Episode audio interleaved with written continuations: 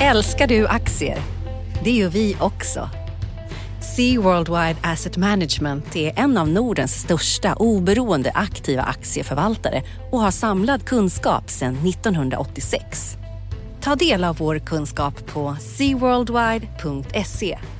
Bokstaven C, worldwide.se.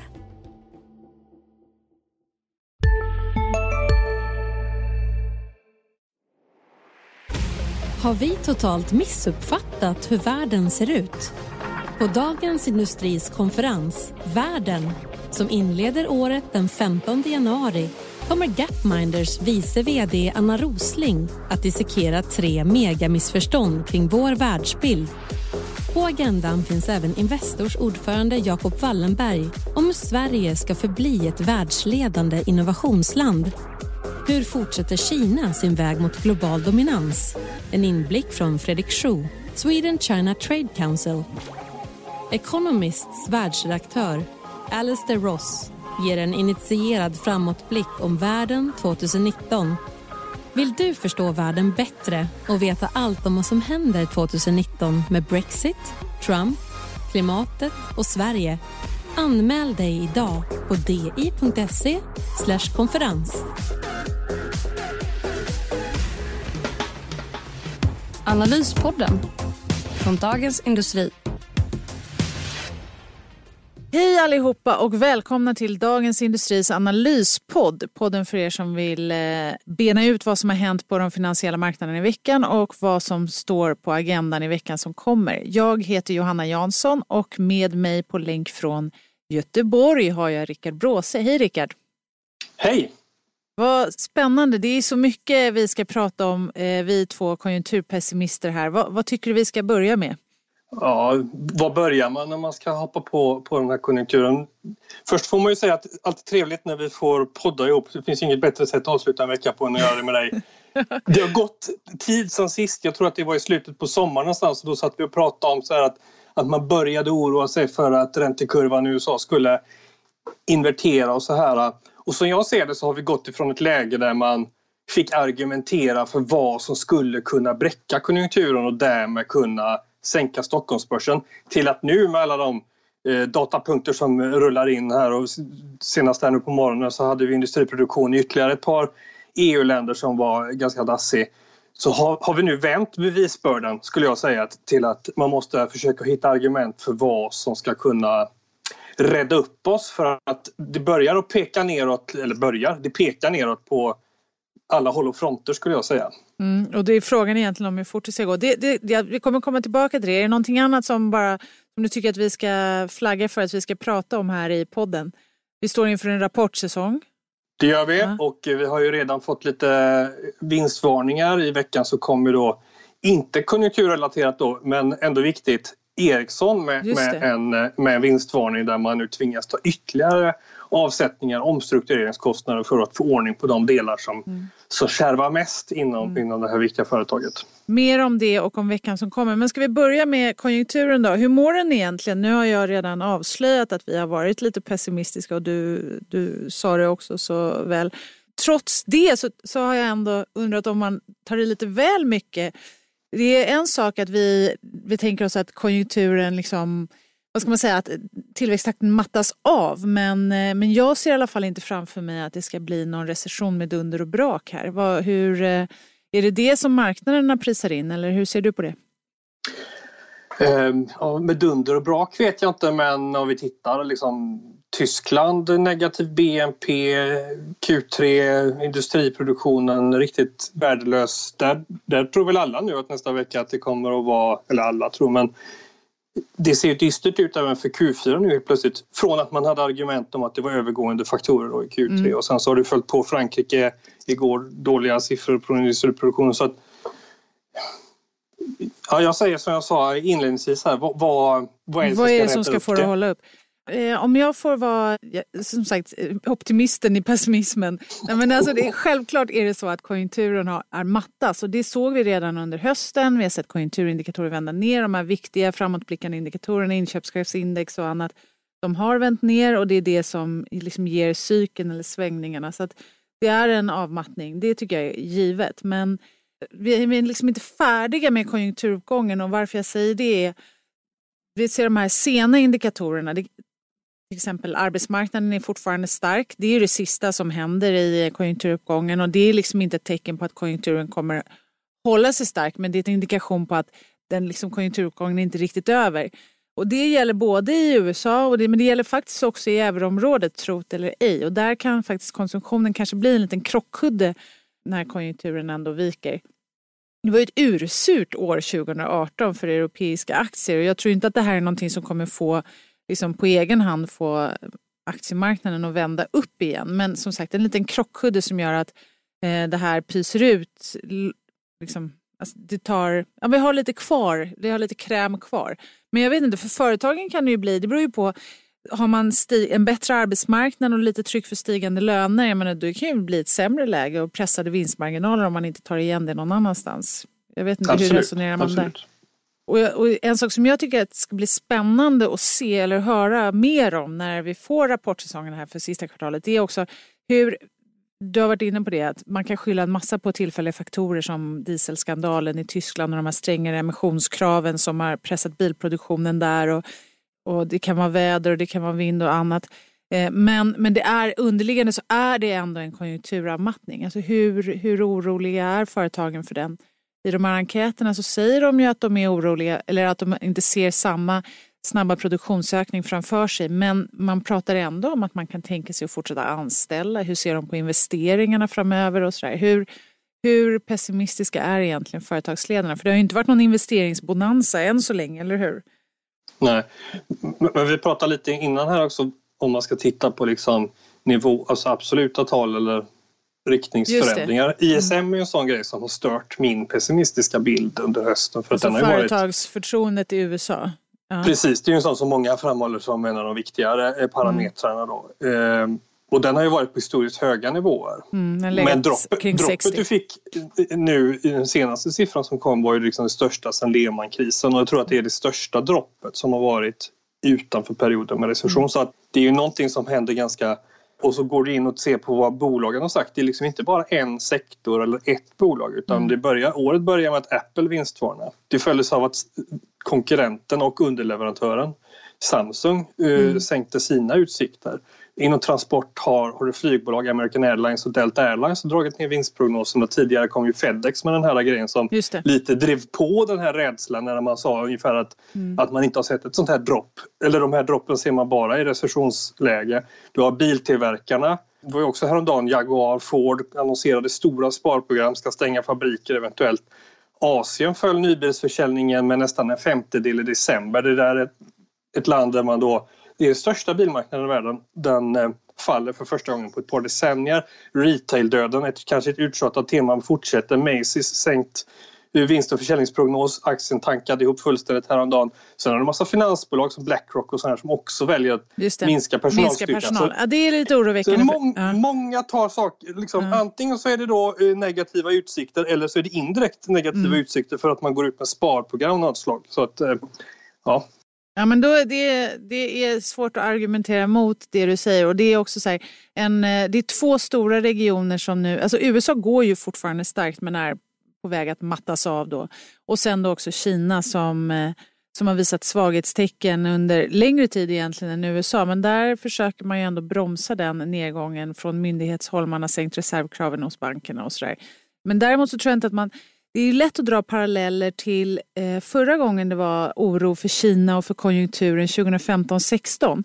Och då hade vi också en, liksom en, först en, en korrektion på börsen och sen en uppgångsfas som fortsatte. Men jag tror att det är inte det läget vi har nu. Världsekonomin är, liksom, har kommit längre i konjunkturen och det är svagare, alltså vi är på en högre nivå. Det är svårare att förbättra sig, apropå det här med nivåer då. Det är svårare att förbättra sig från den här nivån vi är nu jämfört med hur det var då 2015-16. Så, att, eh, så du ja. tror inte att vi får samma, liksom att, att senaste gången, 15-16 är gången när du hade eh, oljepriskrasch och Kina-oro, mm. där Kina bailar ut allting igen? Nej, liksom, så mycket kan de inte. Att man, de tror kommer, inte att de gör det den här gången? Nej, inte på samma sätt. Alltså, de kommer göra lite, och, men, de är mer, men de är, ekonomin är lite svagare skick, i, eller svagare, alltså den är på en högre nivå Eh, Eh, I USA är det mer ansträngt kapacitetsutnyttjande. Man har liksom inte samma förbättringspotential idag som man hade då. Eh, räntorna är lite högre och eh, Baila-ut, ja de gör lite men de kommer inte göra så mycket som de gjorde som de har gjort när de har haft, fått de här stora rekylerna och som Kina gjorde i samband med finanskrisen till exempel. Så mycket är det ju absolut inte. Så att, eh, men vi är i en senare fas, så är det. Men i ett bra scenario så är det ändå en långsam, en gradvis avmattning. Jag menar, det, det måste ju hända någon gång. Inga träd växer till himlen. Så. Behöver inte... men, en, men en sak som jag tror att du har varit inne på, ursäkta att jag avbryter, men en Nej, sak som jag tror att du har varit, varit inne på lite är en, ett scenario som jag har börjat att liksom fantisera med, med, med någonting som skulle kunna liva upp stämningen i Europa åtminstone. Och det är ju då att du har de här finanspolitiska puritanerna, Schäuble och Merkel som försvinner ur bilden. ja, eller framförallt Schäuble. Ja, ja, ja och ja. han är ju borta. Va? Ja, men och precis. Och du har sett att, att man blåser på dem med budgetunderskott. Mm. Frankrike är det senaste som varit i blickfånget. Diskussionerna gick varma om Italien tidigare, eller ja, under 2018, tidigare 2018 då, mm. av naturliga skäl som de har så stor statsskuld. Om vi kokar ner detta till ett svenskt perspektiv så borde det ju verkligen finnas utrymme för det jag kallar för finanspolitiskt artistisk liksom, frihet. För mm. vi har en hög skuldsättning för hushåll. Hur du än vänder och vrider och justerar mm. det så är det ju, det är ju liksom ett faktum. Mm. Men en ganska låg statsskuld relativt BNP. Så Väldigt låg. Sitter, mm. ja, så när jag sitter på, på, kvällar och lediga stunder och funderar ut olika scenarier som ska gå emot min liksom, pessimism Ja. Landar jag i någon form av vet, införande av amorteringsbidrag eller något liknande. Eh, alltså, man kan kanske inte lansera någonting som heter amorteringsbidrag men på något sätt flytta privat skuld till staten. Liksom, I Sverige, absolut. Ja, i Sverige. Jag tror, att, alltså, jag tror att med risk för att vara kanske tjatig att, att under den här mandatperioden så tror jag att vi kommer få se påhitt som för oss idag framstår som lika märkliga som minusräntan gjorde om vi backar banden liksom, 5-10 år. Jag tror kanske så, inte så, fullt så märkliga i, i no den här, det är inte så mycket kvar av den här mandatperioden. Men visst är det så. Alltså i, i, Sverige så har vi ju eh, finanspolitiskt utrymme och det borde de kunna använda. Alltså baksidan av det politiska politiskt stökiga myntet. Alltså för det är ju politiskt stök i Sverige, i euroområdet, i Italien med eh, populistregimen där, i Frankrike med gula västarna och sen så i USA med Donald Trump och sådär det en, en baksida eller möjligtvis en, en framsida av det myntet är för väljarna det är att sådana här populistiska och svaga regeringar de tenderar att spendera mer pengar. Därför att det är svårare att genomdriva liksom reformer eller besparingar eller eh, åtstramningar om man, är, om man inte har en stark majoritet. Ingen vill liksom, det är svårt att bli omvald på det och ingen vill riskera att åka ut.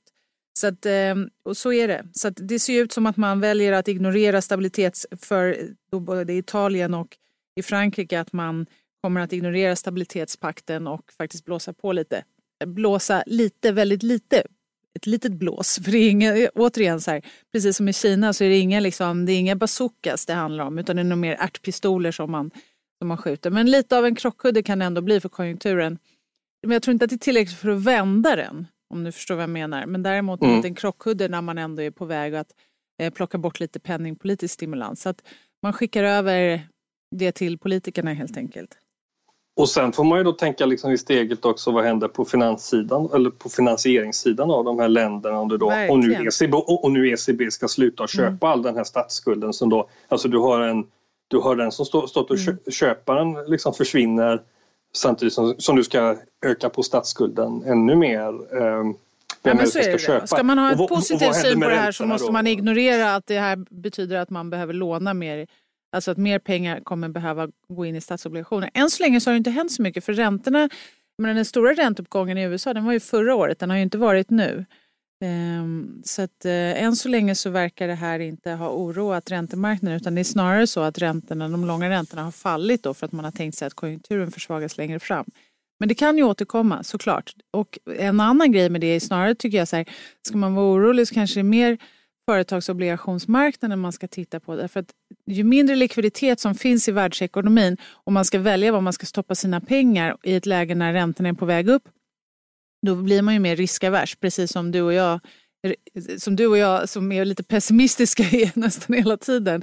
Vad stoppar du dina pengar i? Någonting som har stor sannolikhet att gå i konkurs eller mindre sannolikhet att gå i konkurs. Ja, men då är det just företagsobligationer är ju mer riskfyllda och särskilt så de med låg rating. Så att, och det är det vi har sett i Kina under hösten. En del konkurser och det kanske kan hända också på andra ställen. Och där har ju ECB också varit inne och stödköpt men ska då sluta med det.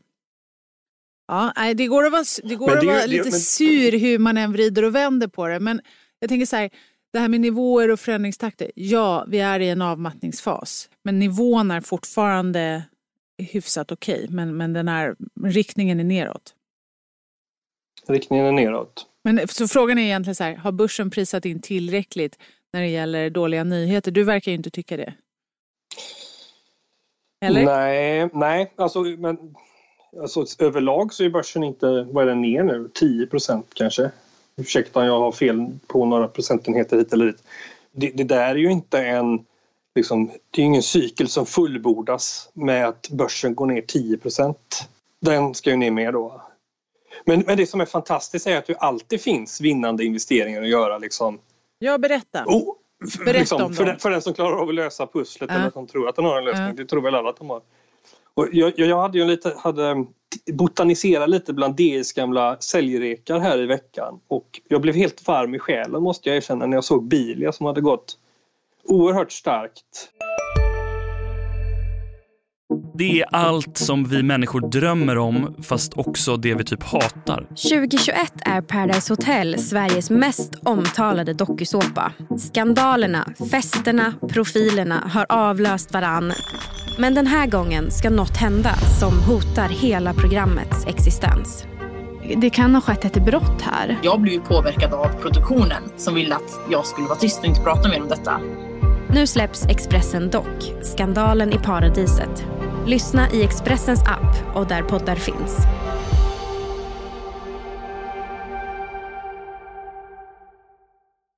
Har du också valt att bli egen? Då är det viktigt att skaffa en bra företagsförsäkring. Hos oss är alla småföretag stora och inga frågor för små. Swedeas företagsförsäkring är anpassad för mindre företag och täcker även sånt som din hemförsäkring inte täcker. Gå in på swedea.se företag och jämför själv.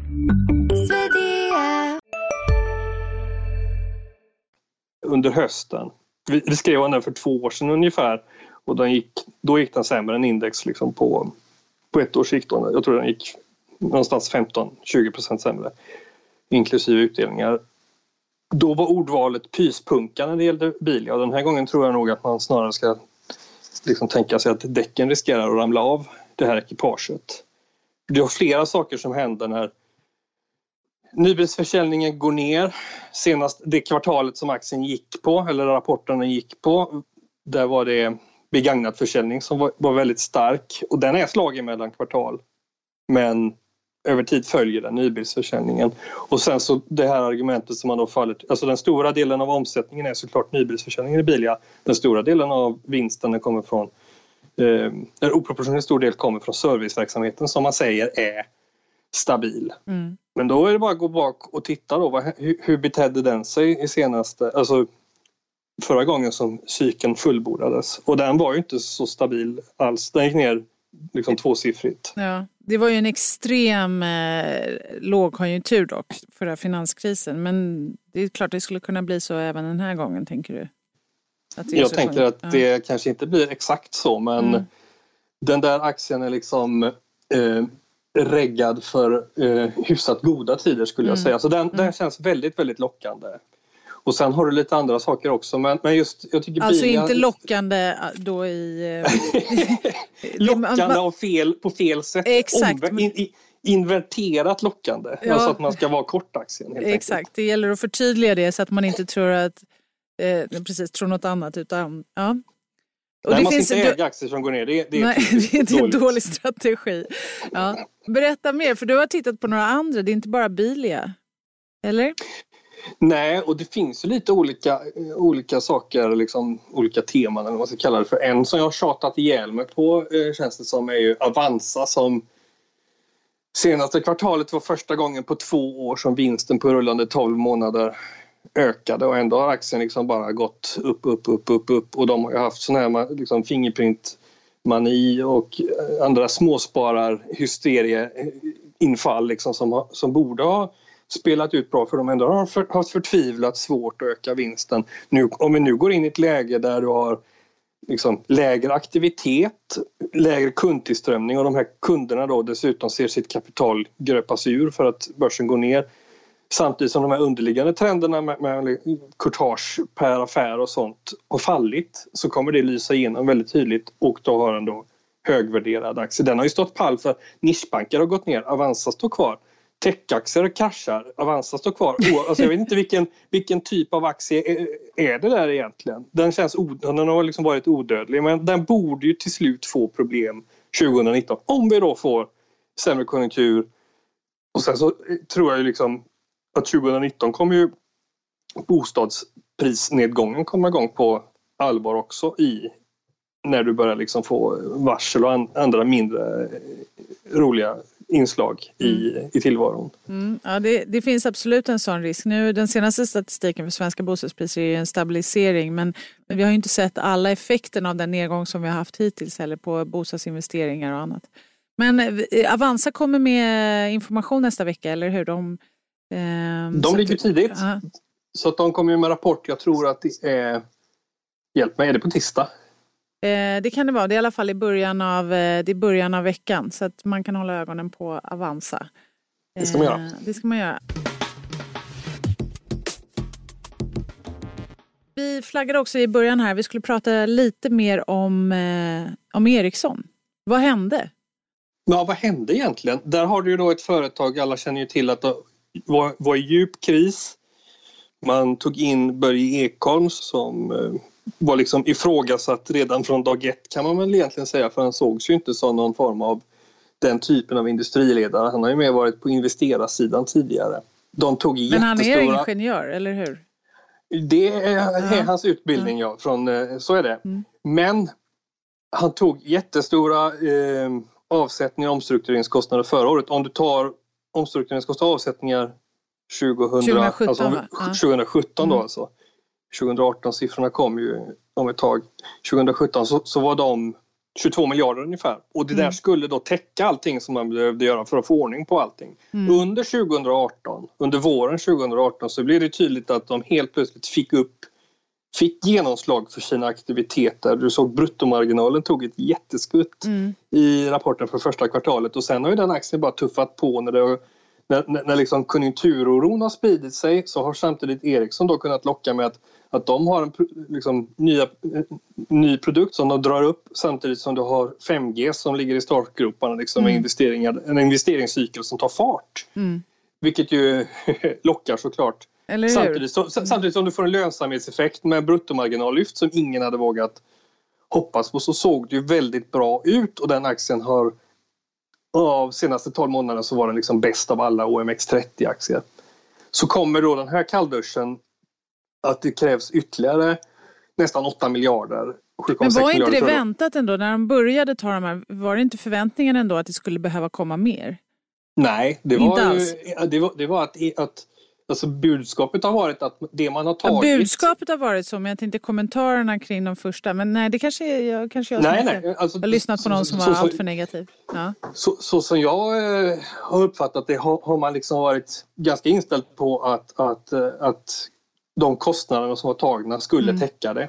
Och de analyser jag läst har också varit inne på det, alltså de som då kommit efter beskedet blev känt har mm. varit inne på samma sak att det blev liksom det blev en, kall, en kalldusch. kalldusch. Sen ja. så kan man ju konstatera att det som de här pengarna ska gå till, nämligen det, det, det affärsområde som heter Digital Services.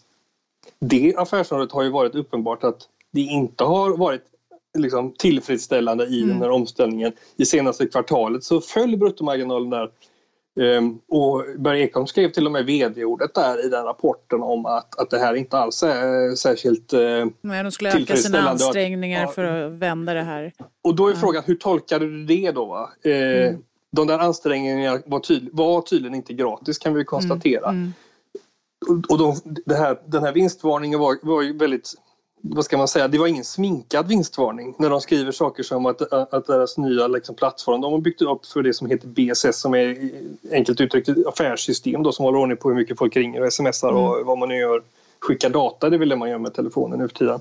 Att det har genererat noll intäkter. Det är ju ingen bra satsning. Oftast eh, ska man ju ha intäkter, det är en bra början och så Katastrof är väl liksom ett eh, lämpligt ordval för, för den satsningen. Men nöd, ja, katastrof för den satsningen, men en nödvändig uppstädning? Eller, Absolut. Ja. Du, måste, du kan inte, ha, du kan inte sitta och, och liksom blöda på, i, i det ena benet. Liksom. Det spelar ingen roll vad du, vad du gör i det andra om du, ska, om, det, om du blir dränerad på ett annat håll. Så att de gör det som är nödvändigt helt enkelt. Och det är ju viktigt. Det är mycket bättre att göra det än att sitta som man har gjort tidigare och gjort nya förvärv för att täcka upp för att saker mm. inte går riktigt som mm. det ska och putsa en fasad som är krackelerad. Så att det här känns ju som en um, mer grundlig grundlig genomgång och det krävdes lite mer mm. än eh, vad man har sagt tidigare. Men som du Men, sa så, så, så Ericsson har det senaste året varit liksom enskilt bäst i, i OMX S30 och upp nästan 40 procent och bättre än, än rivalen Nokia. Hur ser du på det här framöver då? Jag, var ju skeptisk till Ericsson. Det var nästan ett år sedan jag skrev att, Ericsson ska, att man skulle sälja Ericsson och att man skulle köpa Nokia. Och det är väl kanske det dummaste som man skulle kunna ha gjort. Då? Eh, ungefär. Då. Mm. Eh, jag trodde att jag hade liksom löst det men det var, hade jag verkligen inte gjort. Eh, för den har som du säger gått bättre än allting annat och den har dessutom då gått bättre än Nokia så man skulle inte sälja någon av dem. Mm. Men jag tycker fortfarande att liksom, relativt Nokia så ser den ju Alltså den ser fortfarande alldeles för dyr ut relativt Nokia. Mm. Så alltså jag, jag får säga samma sak som, som jag gjorde då, även om det var fel då, så, så eh, köper Nokia före Ericsson alla dagar i veckan. Även om liksom, det är inte så att, att jag skulle springa ut och sälja Ericsson i det här läget. Definitivt inte. Inte på grund av det här utan? Nej, nej, nej. nej.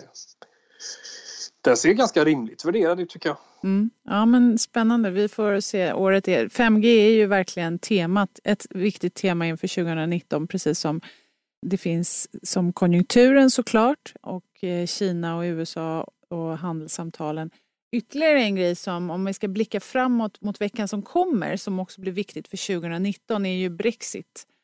Jag tänker att vi, eh, vi avhåller oss från att djupdyka i den frågan för det har blivit så komplicerat att till och med de som är experter på ämnet konstaterar att det här är komplicerat. Men i veckan, eventuellt då, så ska det då röstas i det brittiska parlamentet om eh, Theresa Mays förslag på, på övergångsavtal. Men, eh, men det återstår att se dels vilken dag det faktiskt blir av och förväntningen är väl att hon röstas ner och sen tragglas det här vidare på något sätt. Eh, men det kommer säkert bli en hel del om det nästa vecka. Va, vad säger du? Är det så trassligt så att man inte ens orkar bry sig om det här med Brexit eller? Jag, jag, jag håller mig borta från, från liksom politiska ja. grejer men det man kan konstatera är ju liksom att Storbritannien på eh, liksom alla möjliga fronter ser svagt ut. Till och med mm. spelbolagen har det ju, alltså de som håller på med inte dataspel utan sådana här spel där man spelar bort sina pengar. ja, just det. De, har, de... de har det liksom ja. till och med liksom jättetrögt i Storbritannien. Mm. Så att, Storbritannien känns ju bara dåligt ur alla möjliga mm. aspekter för närvarande och den här mm. Brexit-grejen känns ju som ett, jag vet inte. Ja men det är klart, man, kanske att man... Utdraget skämt. Ja eller exakt. En utdragen ett plåga. Ett dåligt skämt som har gått alldeles skämt. för långt. Ja. Och en, en, utdragen, en utdragen plåga hur som helst. Eh, men den lär dras ut även under nästa vecka och i Sverige så kanske vi får en statsminister efter omröstningen. Det får vi också se. Får vi se om det blir de här galna idéerna som du sa. Vad sa du? Amorteringsbidrag? Ja, vi får ja se. jag har um, låga odds på amorteringsbidrag kommande, kommande fyra år. Ja, men någon typ av valfläsk kanske det blir. Man ska kompromissa här nu Eh, här på fredagsförmiddagen så får vi ytterligare nyheter om kompromissandet mellan Socialdemokraterna och sen Centern och Liberalerna. Så det är precis det, man sitter i förhandlingar och man måste ge, både ge och ta. Och det brukar bli lite mer expansiv politik av det. Ja, annars är det inflationsvecka, vi får svensk inflation och eh, vi får även inflationssiffror från euroområdet och så början på rapporterna. Vilka bolag kommer du framförallt hålla ögonen på under rapportsäsongen? Förutom eh, kanske Avanza och eh, Bilia då? ja, om man tittar på de lite större så är det ju svårt att komma runt. H&M är ju en följetong som är svår att tappa intresset för skulle jag säga. Eh, den kommer jag ögonen på. Där, där, finns det ju risk tror jag att de nu faktiskt kommer att sänka utdelningen och liksom rätta utdelningsnivån efter intjäningen. Matsäck efter mun, ja.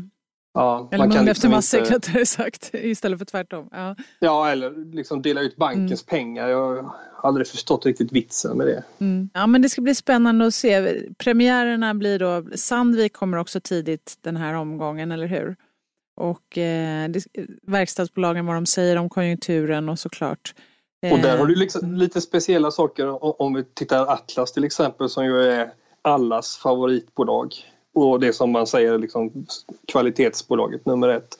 Vad händer i deras vakuumdel nu när du ser fortsatt, du vet de här negativa mm. signalerna som har kommit från mm. Apple, Samsung. Mm. Det ska bli väldigt intressant ja, att se. Precis. Hur, hur dåligt står det till på den kinesiska marknaden och på, i omvärlden? Ja, men det ska bli jätteintressant. Som sagt, vi har ändå tagit lite höjd för, eller vi har anpassat oss till en, att konjunkturen inte fortsätter förstärkas men frågan är då hur snabbt den vänder ner. Jag tror att det blir en gradvis avmattning men, eh, men, eh, men det finns mer att ta av helt enkelt. Ja, vad spännande jag tror att, kan, att, det finns risk för broms, att det finns risk för bromsspår då. Så att jag är lite mer negativ kan vi väl säga. Ja, ja, men det är bra. Vi hoppas få det bästa men planerar för det värsta. Det kanske är så man ska se på 2019. Eller i alla fall början på 2019. Det är så många faktorer tänker jag som är liksom det är kanske svårare än någonsin att göra prognoser för det är så mycket som är ett eller noll, eller hur? Jag menar Brexit, ja eller nej? Eh, Donald Trump och Xi Jinping om handeln, ja eller nej? Det är liksom, vi måste komma lite längre fram innan man kan börja göra mer vettiga prognoser. För att den som säger att man vet hur 2019 ska spela ut, den, det, det är ingen som vet helt enkelt. Men rapportsäsongen blir någonting första att hålla ögonen på och få lite extra information från de bolagen. Det ser vi fram emot. Och vi ser fram emot nästa vecka. Tack snälla Rickard för att eh, jag fick prata med dig. Ja, då önskar jag dig och alla lyssnare trevlig helg. Ja, men tack så mycket och trevlig helg. Analyspodden från Dagens Industri. Programmet redigerades av Umami Produktion. Ansvarig utgivare Peter Fellman. Har vi totalt missuppfattat hur världen ser ut? På Dagens Industris konferens Världen som inleder året den 15 januari kommer Gapminders vice vd Anna Rosling att dissekera tre megamissförstånd kring vår världsbild. På agendan finns även Investors ordförande Jacob Wallenberg om hur Sverige ska förbli ett världsledande innovationsland hur fortsätter Kina sin väg mot global dominans? En inblick från Fredrik Schuh, Sweden China Trade Council. Economists världsredaktör Alistair Ross ger en initierad framåtblick om världen 2019. Vill du förstå världen bättre och veta allt om vad som händer 2019 med Brexit, Trump, klimatet och Sverige? Anmäl dig idag på di.se konferens.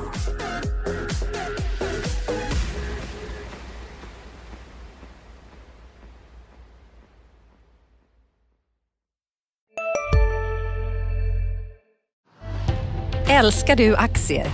Det gör vi också. Sea Worldwide Asset Management är en av Nordens största oberoende aktiva aktieförvaltare och har samlad kunskap sedan 1986. Ta del av vår kunskap på seaworldwide.se. Bokstaven C, worldwide.se